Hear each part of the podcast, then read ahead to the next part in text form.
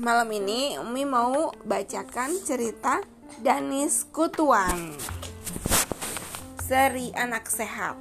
Nah, Ini buku seri, buku serial. Artinya bukunya ada berbagai macam judul. Kali ini judulnya Danis Kutuan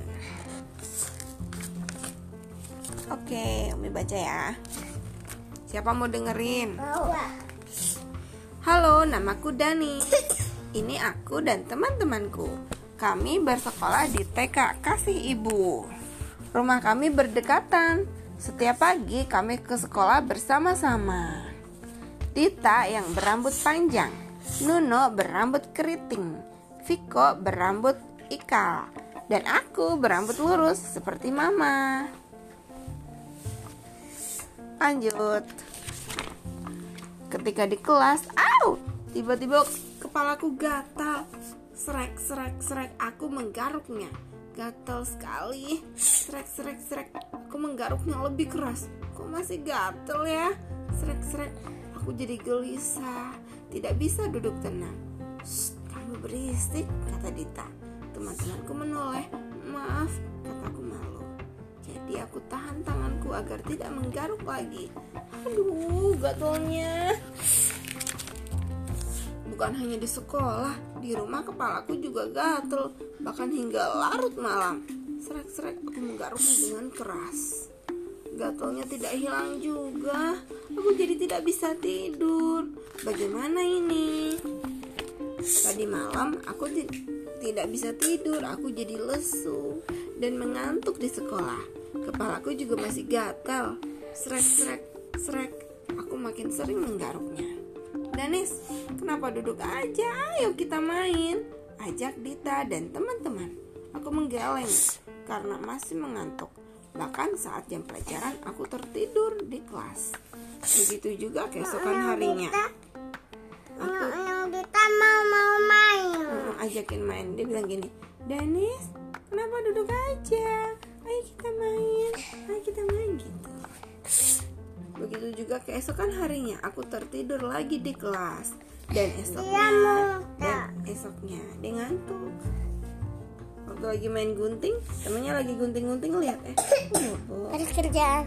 waktu dia lagi kerjanya bikin play-doh bikin playstation hmm, bobo waktu dia lagi main eh, balok eh kok nggak ngiler dia? Lanjut ya akhirnya ibu guru meminta mama ke sekolah ibu guru bilang kepada mama Dani sering tidur di kelas aduh aku malu sekali Danis Mama meminta maaf kepada ibu guru dan berjanji akan mencari penyebabnya. Di rumah, Mama bertanya padaku, kenapa Dennis tidur di kelas? Aku ngantuk, ma ngantuk.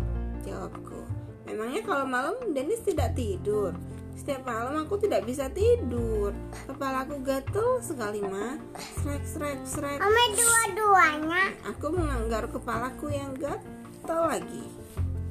Oh dia lagi cerita malam-malam aku nggak bisa tidur makanya dia pakai baju piyama kan di atas kasur sambil garuk-garuk. Terus lanjut ya. Coba mama lihat, mama menyibak rambutku. Ya ampun Danis, ada kutu di kepalamu. Mama bilang dia melihat telur-telur kutu menempel di helaian rambutku. Kutu, buang kutunya mah. Jeritku ngeri. Aku gak suka kutu.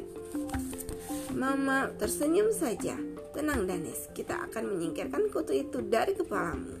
Mama mengoleskan obat penghilang kutu rambut di kepalaku. Lalu mama membungkus kepalaku dengan handuk.